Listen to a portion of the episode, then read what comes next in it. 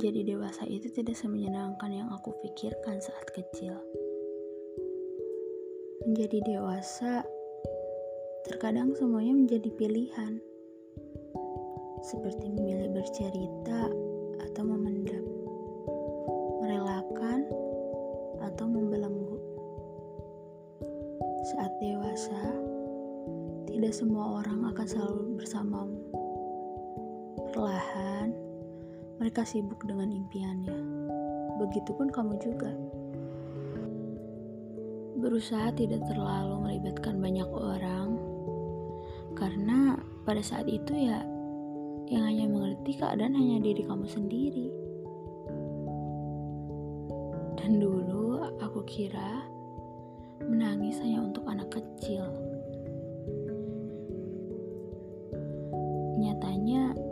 menangis menjadi kebutuhan pada saat dewasa. Aku pun pernah bertanya kepada teman-teman, apa sih dewasa yang kalian alami? Mereka pun menjawab, dewasa itu mampu memahami dan menerima segala situasi dengan banyak sudut pandang. Kataku,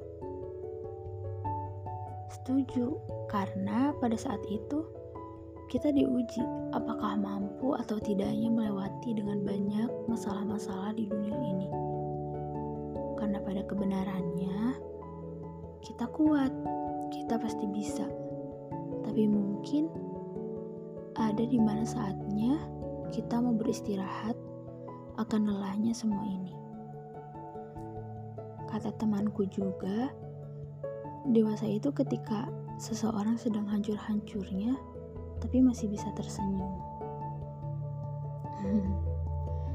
Hebat ya kita, sudah runtuh tapi selalu berusaha tegar. Karena yakin kita harus memberikan kebahagiaan pada dunia ini. Beberapa manusia dewasa pasti pernah mengalami masa sunyinya tentang rumah yang sudah berbeda, tentang rasa yang tak lagi sama entah tujuan hidup yang berantakan.